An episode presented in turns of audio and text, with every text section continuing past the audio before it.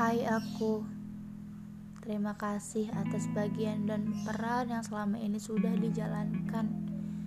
Jatuh lalu bangun, patah lalu tumbuh, gagal lalu coba lagi.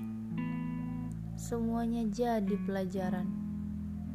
Dan tentang ingin dan angan yang tidak bisa kesampaian atau mimpi yang tidak jadi kenyataan ya sudah, gak apa-apa.